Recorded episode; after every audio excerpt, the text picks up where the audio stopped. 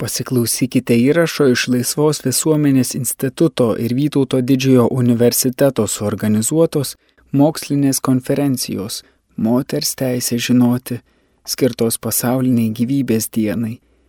Girdėsime profesoriaus kunigo Andriaus Narbekovo pranešimą Medikamentinis abortas - bendradarbiavimas blogyje.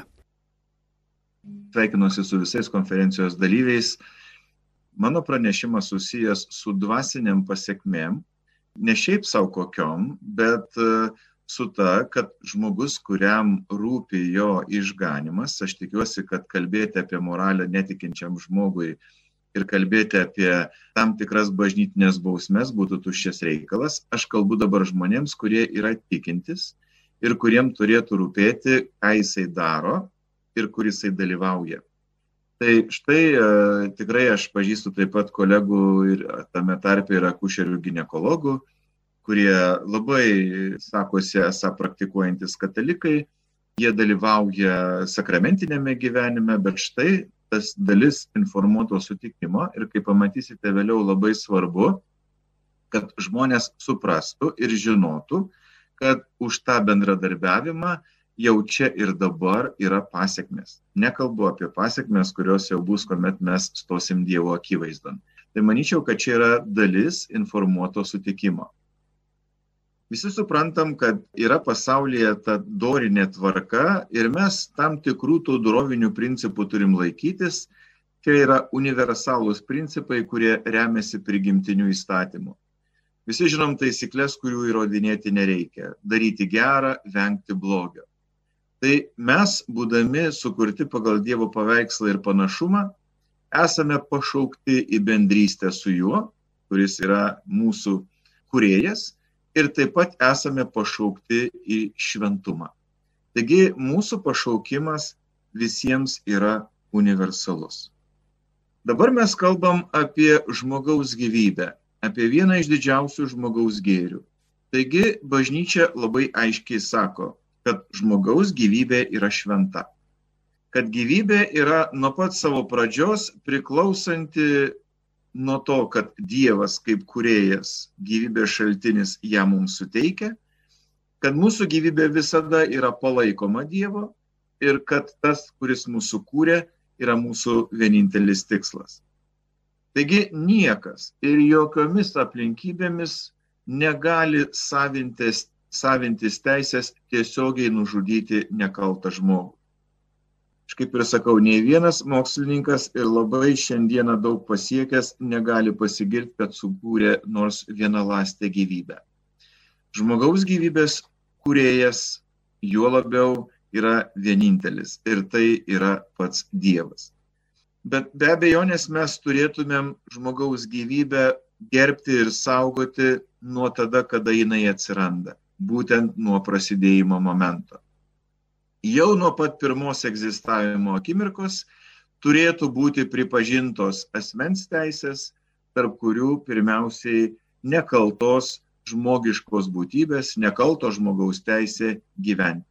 Žinoma, bažnyčia remiasi šaltiniu Biblija, kur labai aiškiai pasakyta, kad mes esame sukurti dar prieš sukurdamas iššiose viešpats sako, aš tave pažinau dar prieš tau gimstant tave aš pašventinau. Bažnyčios tradicija labai žinoma, aiški ir niekas tuo manipuliuoti negali. Nuo pat pirmo amžiaus tvirtino, kad kiekvienas dirbtinis neštumo nutraukimas, nekalbam čia apie savaiminius persileidimus, dorinių požiūrių yra smerktinas, kad tai yra sunki nuodėme. Šitas mokymas nepakito ir lieka nepakitęs. Dabar kalbu apie savoką, kuri medikam yra galbūt mažai girdėta - tiesioginis abortas. Tiesioginis abortas tai yra toks, kuris yra norimas kaip tikslas arba kaip priemonė. Neštumo nutraukimas tokiu atveju yra sunkus nusižengimas doriniam įstatymui. Čia oficialus bažnyčios mokymas ir tą galite pamatyti katalikų bažnyčios katekizme kad prigimtinis įstatymas egzistuoja ir jisai skirtas mums, tai visuomeniai, kuri šiandieną yra labai pluralistinė, kuri labai neigia, kad tos moralinės normos egzistuoja, Jai svarbu dėl savo pačios ateities, demokratijos vystimo, iš naujo atrasti tas esminės, prigimtas, žmogiškas ir moralinės vertybės, kurios kyla iš pačios žmogaus tiesos ir kurios išreiškia bei saugo asmens orumą. Ir tas pagrindinis mūsų dokumentas šalyje, kurį citavo profesorė Violeta, Konstitucija labai aiškiai sako apie mūsų teises, kurios yra prigimtinės. Nei individas, nei dauguma, nei valstybė šitų vertybių negali sukurti, todėl negali nei pakeisti, juo labiau sunaikinti. Gali tik jas pripažinti, gerbti ir skatinti. Neteisingi įstatymai ir jų priėmimas žmonėms, kurie suvokia dorinių dėsnių egzistavimą, dažnai sukelia sąžinios problemų. Ir tai yra susiję su bendradarbiavimu. Kiekvienas žmogus turi teisę reikalauti, kad nebūtų priverstas dalyvauti moraliai smerktinuose veiksmuose. Ir tas bendradarbiavimas kito veiksmuose yra ypatinga problema ir ypatingai mūsų aptarinėjimų klausimų. Kyla klausimas, kiek asmuo gali bendradarbiauti kito žmogaus nemoraliuose veiksmuose, tuo pačiu išlikdamas švarus moralinė kalba kalbant. Šiandienos visuomenėje vieno žmogaus veiksmai yra labai susiję su kitų asmenų veikla. Jeigu ir teisė numato tokią galimybę ir leidžia, bet jinai turi būti suderinama su asmens geriu, šiuo atveju gyvybė. Jeigu ne, tokio įstatymo reikia nepaisyti. Kažkas turės tą piliulę paduoti. Ta problema bendradarbiavimo turėtų paliesti ir vaistininką, kuris turės parduoti abortą sukeliančią piliulę. Toliau yra gydytojai, kurie dalyvaus tame procese, būtent nustatydami neštumą, tirdami moteris prieš abortą. Na jau nekalbu apie tuos, kurie dirba tose įstaigose, kur atliekami abortai. Lietuvoje mes turime bėdą, todėl kad nėra tokių atskirų aborto klinikų. Visa tai atliekama įprastinėse ir sveikatos priežiūros paslaugas teikiančiose ligoninėse tuomet mes susiduriam su situacija, kuri sukelia sąžinės konfliktą daugelį žmonių, kurie šitame procese dirba, kurie atlieka šventą gydytojo ir slaugytojo pareigą.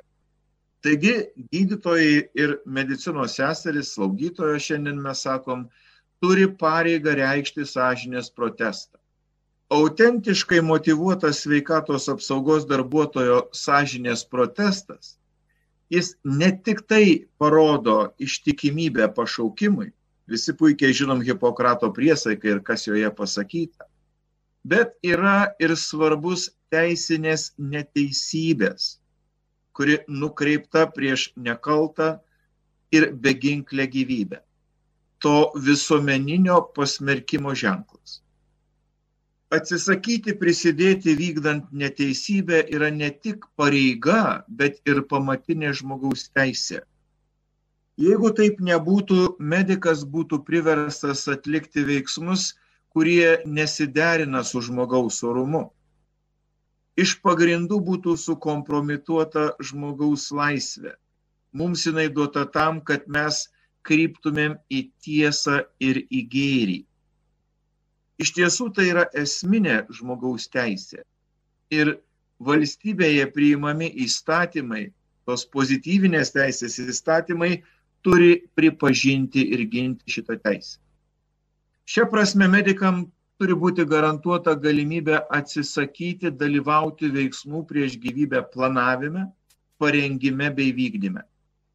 Tuos, kurie atsisakydami remiasi savo sąžinę, būtina apsaugoti ne tik nuo teisinių bausmių, bet ir nuo bet kokių teisinio, drausminio, finansinio ar profesinio pobūdžio neigiamų padarinių. Puikiai žinome, kaip išvengiant teisinių argumentų tiesiog vyksta mobbingas, yra tiesiog nepageidaujami tokie kolegos, kurie gyvena ir dirba pagal sąžinę. Aišku, žmogus turi veikimo laisvę. Jis turi laisvę veikti ir teisę veikti laisvai, bet žmogus iš esmės neturi teisės daryti blogį. Daryk gerą, venk blogio. Bendradarbiavimo atveju žmogus renkasi tai, ką renkasi kiti arba kitas, arba net renkasi todėl, kad kiti renkasi, bet kartu tai renkasi ir kaip savo gėrį, ir savo siekiamą tikslą. Štai čia ir atsiranda asmeninė moralinė atsakomybė už kartu su kitais atliktus veiksmus. Čia dinksta alibi, kad aš nieko dėtas. Pati moteris kalta. Žinoma, šiandien tokioje utilitaristinėje visuomenėje žmonės savo profesiniai veikloj yra verčiami atsisakyti moralinių įsitikinimų ir tiesiog susitaikyti su to, ką įstatymai leidžia ir ko prašo klientai. Kaip matote, mes turime jau klientą, bet ne pacientą. Taigi toks rezultatas atveda prie tokių dviejų priešingų tendencijų. Viena vertus, žmonės pretenduoja į visišką moralinio pasirinkimo autonomiją ir reikalauja, kad valstybė neprimestų jokios etinės pozicijos, o tenkintųsi kiekvienam žmogui užtikrindama maksimalę laisvės erdvę, ribojamo tiesa, draudimo pažeisti kitų piliečių laisvės ir teisės. O mes čia kalbam apie negimusio žmogaus gyvybę. Antra vertus yra tvirtinama, kad pagarba kitų žmonių pasirinkimo laisviai reikalauja, atliekant viešas profesinės pareigas, atsisakyti savo įsitikinimų. Kad būtų patenkinti visi įstatymų pripažinti ir ginami įstatymų piliečių reikalavimai. Vienintelis moralės kriterijus tokias pareigas vykdant atseit turėtų būti tai, ką tau sako įstatymas. Štai šitaip ta asmeninė atsakomybė suverčiama įstatymui. Ir asmeninės sąžinės atsisakoma bent jau viešojoje sferoje. Esu susidūręs ir diskusijoje dėl aborto su vienu iš žinomų politikų, beje buvusiu ministru, kuris sakė, aš kaip tikinti žmogus jūs suprantu ir palaikau, bet kaip ministras aš negaliu, aš turiu laikytis įstatymų. Ir pastebim savotišką paradoksą kad kartu yra ir išaukštinama ir deklaruojama visiška žmogaus autonomija ir pasirinkimo laisvė ir tuo pačiu priverčiama paklusti daugumos sprendimams. Atskirime asmeninės moralės nuo viešosios moralės glūdi neįgymas esminio laisvės ir tiesos tarpusavio ryšį. Todėl įvairių profesijų žmonės ir ypatingai medikai neretai dėja privalo vadovautis svetimos primesta daugumos morale. Tai ir įsigali tokiu būdu tas moralinis relativizmas. Visi sako, kad tai yra demokratijos būtina sąlyga, nes garantuojama tolerancija, žmonių abipusė pagarba, susitaikymas su daugumos sprendimais. Tuo tarpu objektyviomis saistančiomis laikomos moralės normos atseit vestų prie autoritarizmo ir netolerancijos. Na čia bažnyčiai dėl to ir kliūva. Tačiau kaip tik pagarbos gyvybei klausimas rodo, kokius siaubingus padarinius gali atnešti tokia pozicija. Puikiai žinome, kiek nusikaltimų žmonijai padaryta tiesos ir įstatymų vardu. Ir tai yra to etinio relativizmo dėka.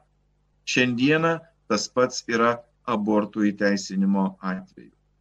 Demokratijos, kuri kokia be būtų brangi ir mes ją ginam, negalima sureikšminti tiek, kad jinai taptų moralės pakaitalu. Nes iš esmės demokratija yra tik sistema arba priemonė, jokių būdų netikslas. Jis savaime moralinės vertės neturi ir jinai turi priklausyti nuo paklusimo moralės dėsniams. Juk jeigu susirinktų nusikaltelių grupė tai daugumos tikslai būtų labai aiškus ir jie galėtų įteisinti juos. Bet ar jie būtų vykdomi ir tai mes suprastumėm kaip demokratijos gėri, jeigu visai aiškiai prieštarautų moraliniams dėsniams. Medicinoje čia labai aiškiai visą tai, ką kalbu dabar, atsispindi. Naujausios technologijos suteikia labai plačias galimybės. Deja, gydytojas yra tik paslaugų pardavėjas ir daro tai, ko iš jo prašo klientas. Dabar vadinamas paslaugų pirkėjų.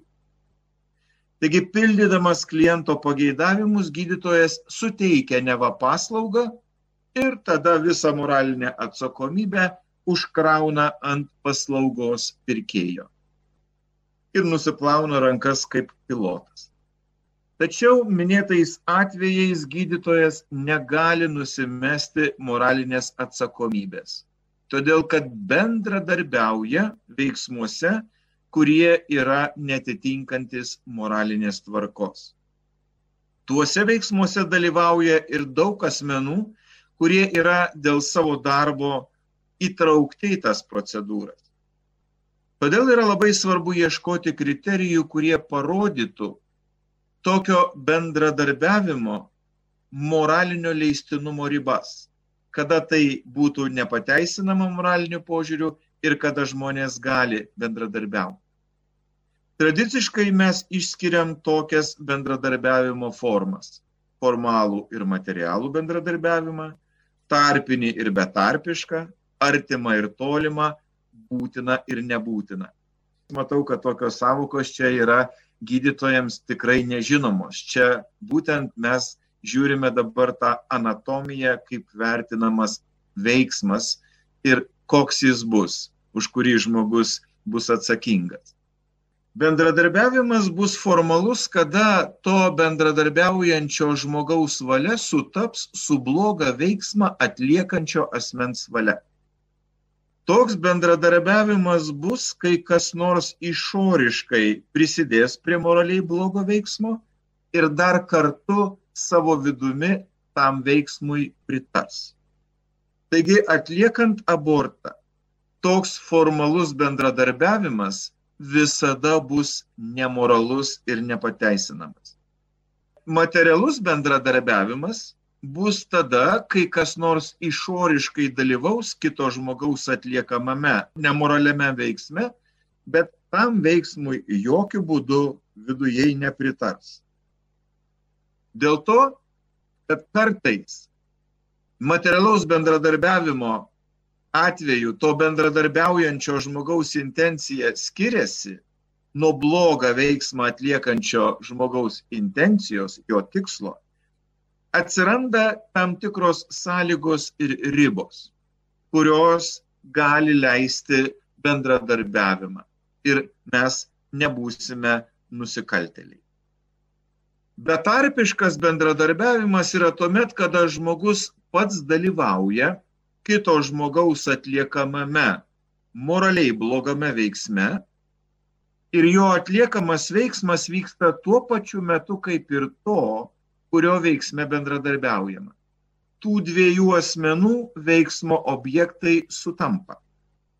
Todėl betarpiškas bendradarbiavimas yra identiškas formaliam, todėl, kaip ir išnekėjom, moraliai niekada nepateisinamas.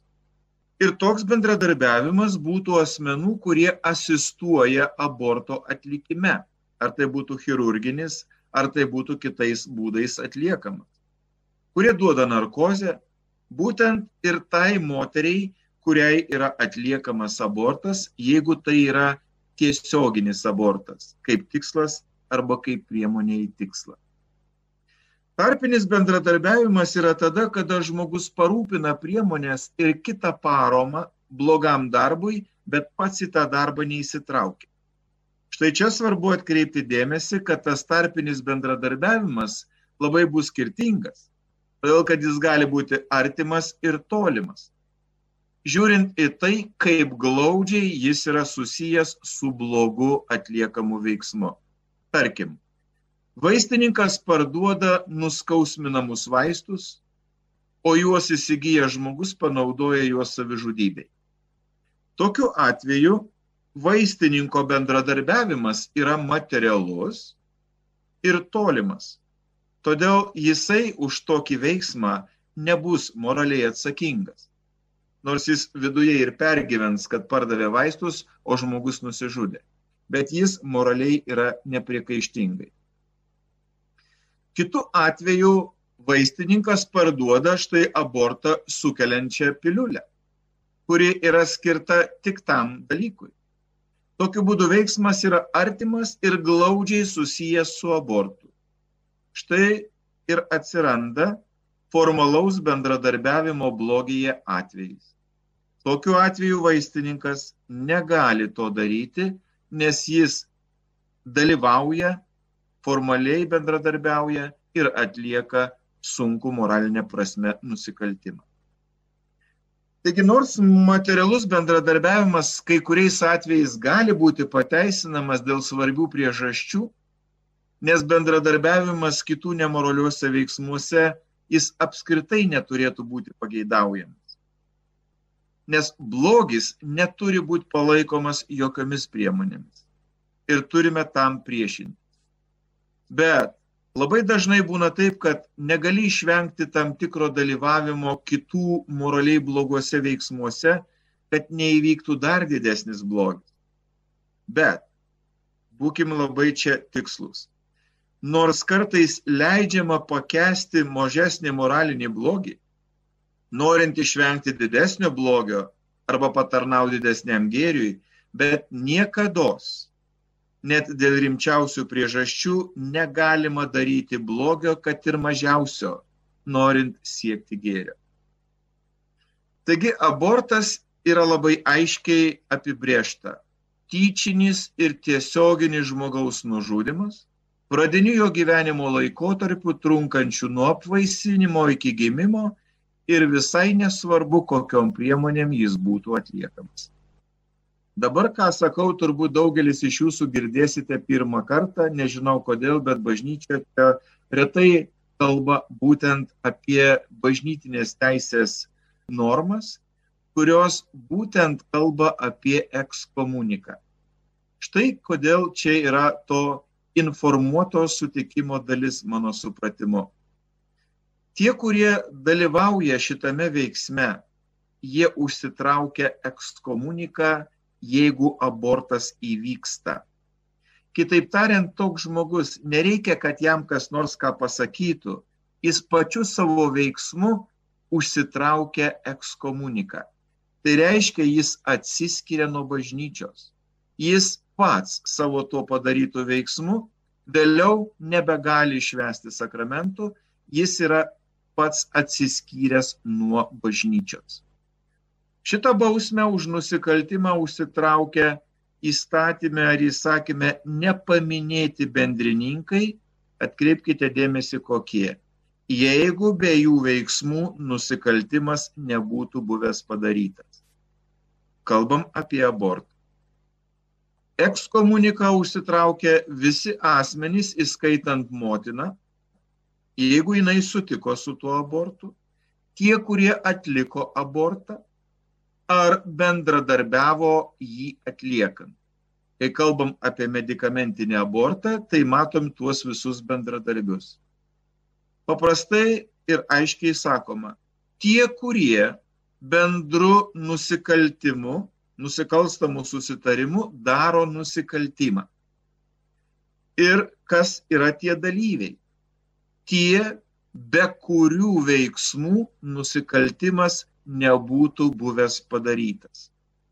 Taigi, kas bebūtų toje grandinėje, nuo recepto išrašymo, jo pardavimo, jo padavimo ir jo panaudojimo, ir jeigu įvyksta abortas, visi šitie asmenys savo tuo padarytų veiksmu, ipso facto, kaip sakom latiniškai, jie save atskiria nuo bažnyčios. Čia ir nereikėtų kaip nors manipuliuoti, kad čia mes nežinojom, kaip matote, ekskomunikacijai, kad jinai įvyktų, labai yra svarbi informacija. Vienas faktas, kad įvyko abortas ir žmogus samoningai siekia padaryti abortą, ir matote, žinojo apie bažnytinės bausmes už šį veiksmą. Manau, kad mes nepateisinamai mažai kalbam apie šitą informaciją. Jeigu bažnyčiai rūpi žmonių išganimas, tame tarpe ir tų, kurie dalyvauja šituose nusikalstamuose veiksmuose, tai kad jie nepražūtų, kalbu dabar kaip kunigas, jiems būtina pasakyti, kad jūs atsidursite ekskomunikoje. Taigi, popiežius Jonas Paulius II įvertindamas abortą kaip didelį moralinį blogį pabrėžė, kad ekskomunikos kaip bausmės tikslas yra pasiekti, kad kaltasis aiškiai suprastų tam tikros nuodėmės sunkumą, o tada atsiverstų ir atgailautų. Kitaip tariant, ekskomunikos tikslas ne bausmė, bet tas, kuris padarė nuodėmę sunkę ir kuri yra kliūtimi jam į išganimą, jisai atsiverstų ir atgailautų. Piliečio sąžinės pareiga ir būtų nesilaikyti įstatymų, kurie aiškiai prieštarauja doriniai tvarkai. Ir ypatingai, jeigu tai susiję su žmogaus gyvybe. Gydytojai, kurie ten dalyvauja, jie turėtų girdėti švento rašto žodžius. Dievo reikia klausyti labiau nei žmonių. Na ir užbaigsiu čia vieto išvadų profesoriaus kunigo Antano Paškaus žodžiais, kad mes esame atsakingi ne už tai, kas mes esam, bet už tai, ką mes darom su tuo, kas mes esam. Taigi esam laisvi ir protingi, esam pašaukti ginti gyvybę ir mes galime ir privalome rinktis. O jeigu mes galime rinktis, mes už tai ir esame atsakingi. Labai dėkoju profesoriui kunigui Andriui Narbekovui. Šiupuliukai net laksto per nugarą. Ar duodama papildomai laiko moteriai apsispręsti arba persigalvoti? Aš tik tai čia norėčiau truputėlį e, tą situaciją pasakyti, kuomet uh, pradėtas buvo keltas klausimas, jog reikia duoti apsisprendimo tą intervalą, kad nebūtų abortas padaromas va čia ir dabar. Ir tai yra labai suprantama, bet pasipriešinimas buvo didžiulis iš visų feministinių organizacijų, iš tų, kurios yra čia būtent inicijuojančios ir tą medicamentinį abortą, kad tokiu būdu bus traumuojamos moteris, kad čia yra privataus gyvenimo pažeidimas ir tai, kad jom reikėtų duoti apsispręsti ir dar pagalvoti, yra joms nepriimtinas. Kitaip sakant, e, čia nėra dar, mes neturim to reglamentuoto. Ir vienas iš tų instrumentų, kuris turėtų būti, jeigu jau ir lieka tie visi abortai, kokie jie bebūtų daromi, jie negalėtų būti atliekami be informavimo ir šiuo atveju be laukimo periodo be psichologo konsultacijos, be visų panašių dalykų. Nes čia, manau, lygiai tas pats ir šiuo atveju, bet ir kitais atvejais yra, kad nedraudimu yra kažkas padaroma ir sumažinamos pasiekmes, bet e, iškeliant aukštus reikalavimus. Aš atsiprašau už palyginimą, bet aš visai neseniai skaičiau paskaitą studentam apie gyvūnų gerovę Ir ten iškilo klausimas dėl kailinių žvėrelių auginimo ir jų naikinimo dėl kailių. Dėl jų žudimo, gyvūnų žudimo. Ir Šveicarija, jinai pasiekė, kad ten nebeapsimoka auginti šitų žvėrelių, nes iškėlė reikalavimus, kurie atitiktų tą gyvūnų gerovę. Kitaip tariant, labai daug įdėjimų, ten aišku materialinė prasme, Ir čia, mano supratimu, jeigu mes kalbėtumėm apie būtent abortą kaip tokį, aukšti reikalavimai be jokios abejonės sumažintų skaičių abortų drastiškai. Jeigu vien tas informuotas sutikimas būtų toks, koks jis turi būti, protingai galvojant, dauguma moterų tikrai nesiryštų šitam žingsniui. Ir suprasdami šitą mechanizmą, manau, tie, kurie suinteresuoti abortų darimu, viską išeliminuoja, kad tai yra nesvarbu, nebūtina ir panašiai. Maničiau, kad čia šitas kelias yra labai veiksmingas. Ir jeigu būtų viskas padaryta, kad būtų išeliminuota visos manipulacijos, pilnas informuotas sutikimas, apsisprendimo laikas, mes tikrai galėtumėm džiaugtis, kad labai daug negimusių vaikų būtų išgelbėti. Nedraudimu, bet būtent reikalavimais, kurie yra teisėti, kurie yra pagrysti ir kurie privalomi, bet jie yra nedaromi.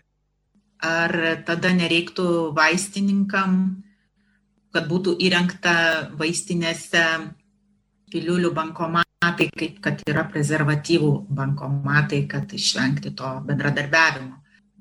Dar kažkas receptą, kaip turbūt turėtų parašyti. Čia, čia iš tiesų galima sukurti labai įvairias situacijas, kaip tas galėtų būti ir padaroma, bet tarkim, jeigu tai yra vaistinės savininkas, mes dabar turime labai daug privačių vaistinių, kaip jūs žinote. Aišku, dabar jau jų šiek tiek sumažėjo, bet jeigu tai būtų privati vaistinė, tegul ir tai būtų automatas, tos vaistinės savininkas būtų atsakingas už tą bendradarbiavimą šitame nusikalstamame veiksme.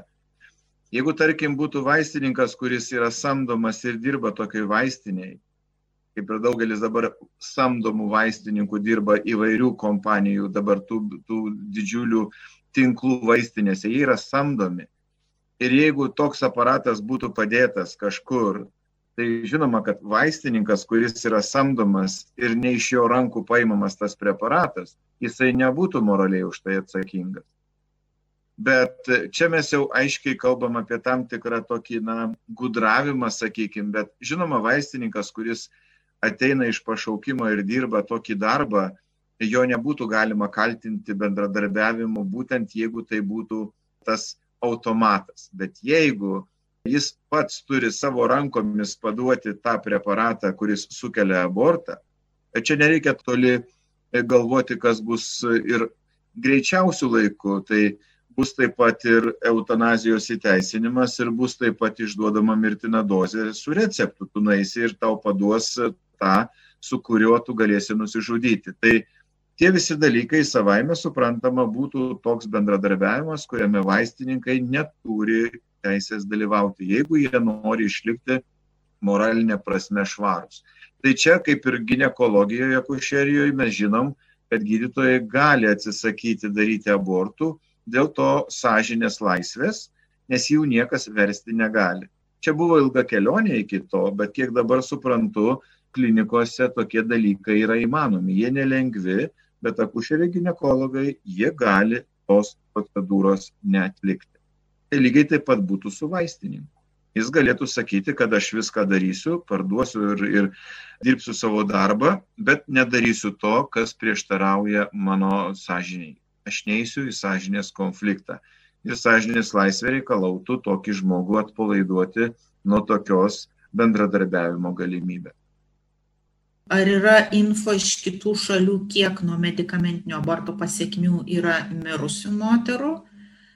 Ir dar ar yra moterų mirčių nuo chirurginio aborto?